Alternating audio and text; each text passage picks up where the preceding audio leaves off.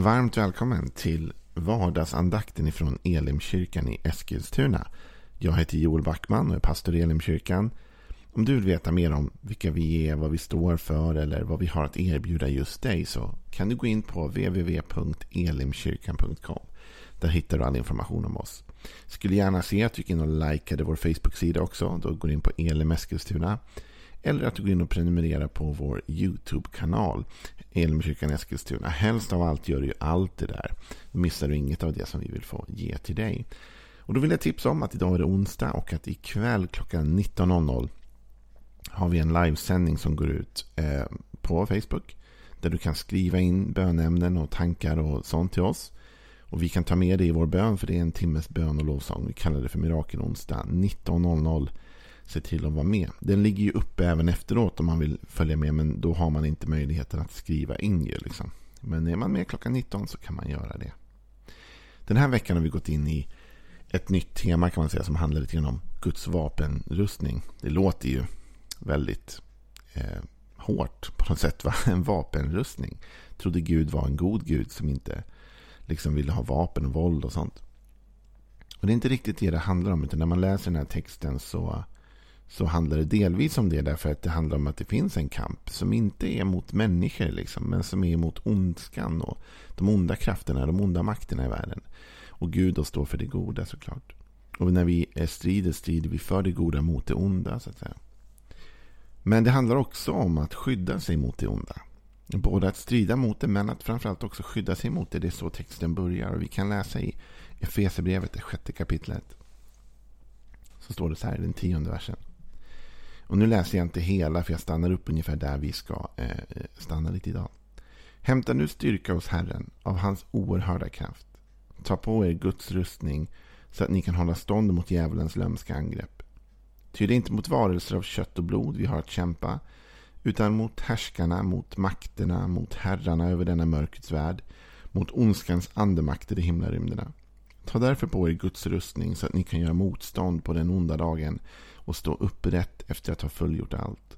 Stå alltså fasta, spänn på er sanningen som bälte och klä er i rättfärdighetens pansar och sätt som skor på era fötter villigheten att gå ut med budskapet om fred. Vi stannar där.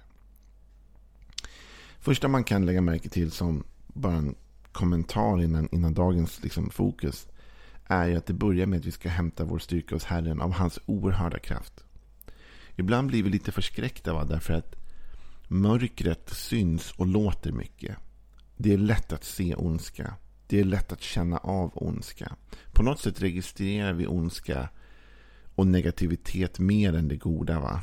Jag kan ju bara som eh, eh, pastor och predikant själv säga att liksom, det kan komma fram tio personer efter en gudstjänst och säga vilken fantastisk predikan. Liksom. Det är inte alltid det gör det, men, men det kan ju hända. Att det går fram tio personer som säger fantastisk gudstjänst och fantastisk predikan. Och så kan det komma en person va, som säger det var ju typ det sämsta jag har hört. Du är ju inte måttligt dålig, du är ju jättedålig. Typ så. Eh, och och det märkliga var att, att det är bara 10% av de som har hört av sig. Det är en bråkdel av, av helheten. Va? Man, kan, man skulle kunna vända på det 90% tyckte att det var en fantastisk predikan. Wow, det är en väldigt bra procentsats. Um, ehm, men när man går hem sen så är det den där en personen. Va? Det är den där 10% som gnager och skaver. På något sätt registrerar vi det negativa. Vi registrerar ondskan mer. Jag tror att när vi ser världen så tänker vi ofta så. Och nyheterna lyfter ju också ofta fram det. Det finns ofta inte så mycket nyhetsvärde i att någon var god eller snäll eller älskvärd. Det är folk överallt hela tiden. Men vi fastnar på det negativa. För det skapar nyheter och det är liksom av intresse på något sätt. Men vi ska inte glömma att Gud, Guds kraft är oerhörd. Det är inte ondskan som har en oerhörd kraft. Vad du än brottas med idag i ditt liv så ska du veta att, att vad för ondska du än möter så, så Guds kraft är oerhört mycket mer. Och vi ska inte låsa oss vid att fastna i det negativa. Utan vi ska se det goda. Guds kraft är större än vilken utmaning du än möter i ditt liv idag. Och sen så talar han ju om då såklart som jag var inne på att vi slåss inte mot människor. Vi slåss inte mot varelser av kött och blod. Utan det här är en annan kamp. En kamp för det goda mot det onda. Och därför tar vi på oss Guds rustning så vi kan göra motstånd mot det onda. Och då kommer han in på den här spännande versen då, som jag tänkte ta idag. Och sätt på Sätt som skor på era fötter villigheten att gå ut med budskapet om fred. Här, vi liknas ju då vid, den här vapenrustningen liknas ju vid då olika delar i en, en, så att säga, en vapenrustning. Och nu är vi inne på fötterna. Eh, och att klä dem i villighet. Det finns såklart många eh, tankar om det. Inte minst att det också är fötterna som måste kläs i villighet. Alltså fötterna representerar ju att gå, att göra, att verka. Fötterna är ju det som för oss någonstans. Va? Och det är att de som behöver kläs i villighet. Det är inte främst bara din tanke som behöver kläs i villighet. Det är, det är väldigt många människor som har en villig tanke men inte villiga fötter. Som vill någonting och som kan säga, de kan till och med berätta för dig allt de vill. Och de kan berätta om alla planer de har för sitt eget liv. Och de kan berätta om alla planer de har för Guds rike. Och de kan berätta om allt de vill göra, allt de ska göra. Och så vidare. De har sådana enorma liksom, eh, planer va. Och vilja.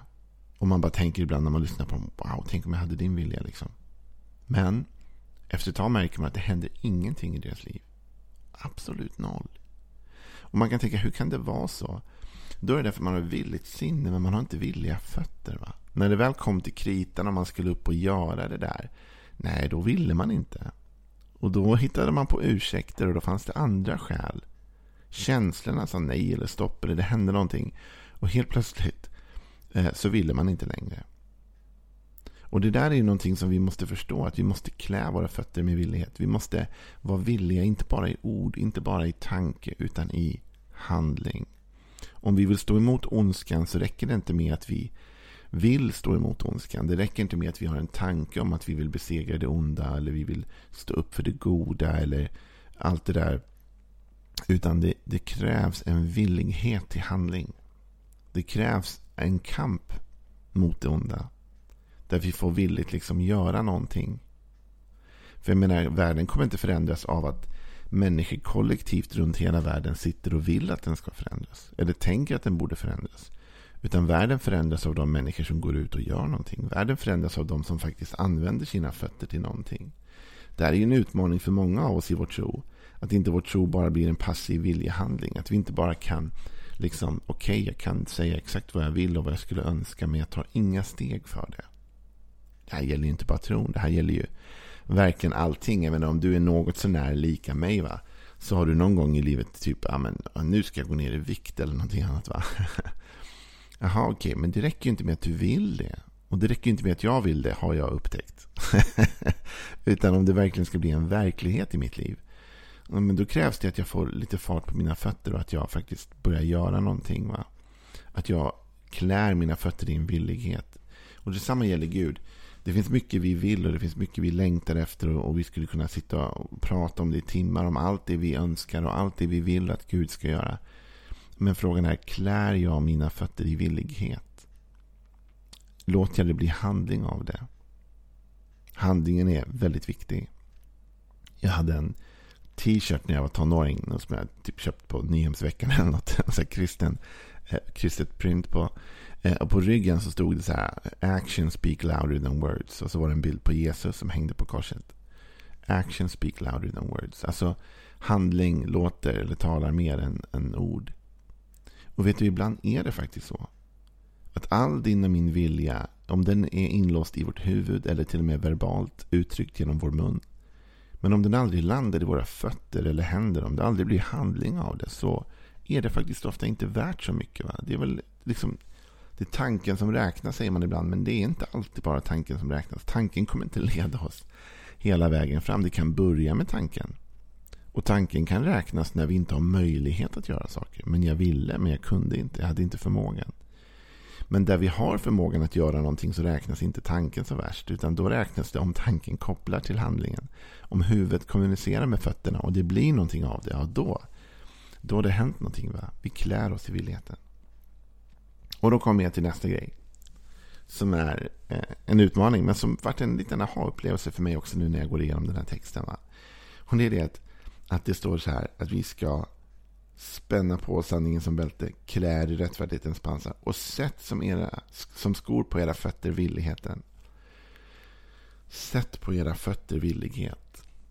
Alltså att ikläda sig villighet. Att villighet inte är något man bara känner eller har eller inte. Alltså antingen vill man eller så vill man inte. Det är inte så. Man kan ikläda sig villighet. Man kan välja att vilja. Ja, men det kan man väl inte. Vilja är väl en känsla. Jag vill eller jag vill inte. Det är inte säkert att det är så. Inte helt, inte fullt. Det är klart att vilja är en känsla också. Man kan, man kan känna saker, att man vill någonting eller man inte vill någonting. Men man kan också bestämma sig för att vilja någonting. Man kan bestämma sig för att göra någonting. Man kan bestämma sig för att jag vill vara en bra man. Man kan bestämma sig för att jag vill vara en schysst pappa mot mina föräldrar. Eller mina barn, mina föräldrar, mina barn. Jag vill vara eh, närvarande. Jag vill göra olika saker. Fast det kanske har en känsla som, som är annorlunda. Va? Du kanske känner så här. Jag vill gå på fotbollsmatch ikväll. Det är vad jag vill göra. Okej, men min fru behöver min hjälp. Mm. Men mina känslor säger att jag vill hellre gå på fotbollsmatchen. Det är vad jag vill göra. Okej. Men på ett djupare plan så vill jag vara en bra man mot min hustru. Och jag vill ikläda mig villighet. Så därför kör jag över mina känslor just nu. För jag har en, en djupare vilja. Jag väljer att ikläda mig någonting. Du vet vad det gäller Gud. Det, vi måste välja ibland att ikläda oss villighet. Och jag tror att det ofta är ett tecken på en djupare kärlek. Jag menar det finns massa saker man gör, inte för att man känner för det. Eller för att man nödvändigtvis vill det. Men man väljer att vilja det. Därför att man väljer kärleken. Liksom. Det finns massa saker jag gör för mina barn. Eller jag gör för min fru. Eller jag gör för människor jag älskar eller bryr mig om. Som jag kanske inte nödvändigtvis känner en vilja eller glädje över att göra. Men jag väljer att ikläda mig villighet. Att inte tjorva om det, att inte gnälla om det, att inte alltid bråka om det, att inte alltid gnälla om det. Utan jag gör det villigt. Därför att jag har valt villighet. Och vad det gäller tron på Jesus så är det mycket sånt som vi måste också göra. Vi kan inte alltid vänta på att våra känslor ska, ska komma i, i linje. Liksom, utan ibland måste vi faktiskt tänka så här. Älskar jag Gud? Älskar jag Jesus? Men det är klart jag gör. Men då väljer jag att, att villigt lyda, att villigt följa honom. Vet du, varför är det ett skydd kanske någon säger? Viljan, villigheten och att ikläda sig framförallt villigheten är ett skydd. Därför annars kommer djävulen leka med dina känslor. Därför djävulen är expert på att få dig och mig att inte känna för det. det är en av hans tror jag, största knep. Att få oss att inte riktigt känna för det, att göra det en annan dag, att skjuta lite på det. Att, men, ja, men jag känner inte för det just nu. Jag kanske känner för det imorgon. Eller om ett år. Eller när livet är lite annorlunda, när barnen har flyttat hemifrån eller när, när saker har förändrats. Då ska jag minsann tjäna Gud eller göra saker för Gud. Då ska jag investera mer tid i kyrkan när jag har mer tid över eller vad det nu kan vara. Kom igen. Du är för känslostyrd just nu. Och jag säger inte det dömande för jag är själv känslostyrd väldigt ofta. Så det är inte någon dom, dom över det men jag inser över mitt eget liv också. Men vad är svaret på det då? Bestäm dig för att vara villig. Bestäm dig för att vara villig. Bestäm dig för att ikläda dig villighet vad det gäller Gud. Att inte hitta ursäkten, att inte vänta på känslorna. Om du gör det, då har djävulen inget intrång. Han har inte möjlighet att göra intrång hos dig. Därför du inte styr dina känslor. Så när han kommer och säger du känner väl inte riktigt för det? Nej, jag känner inte alls för det, men jag har bestämt mig för att vara villig.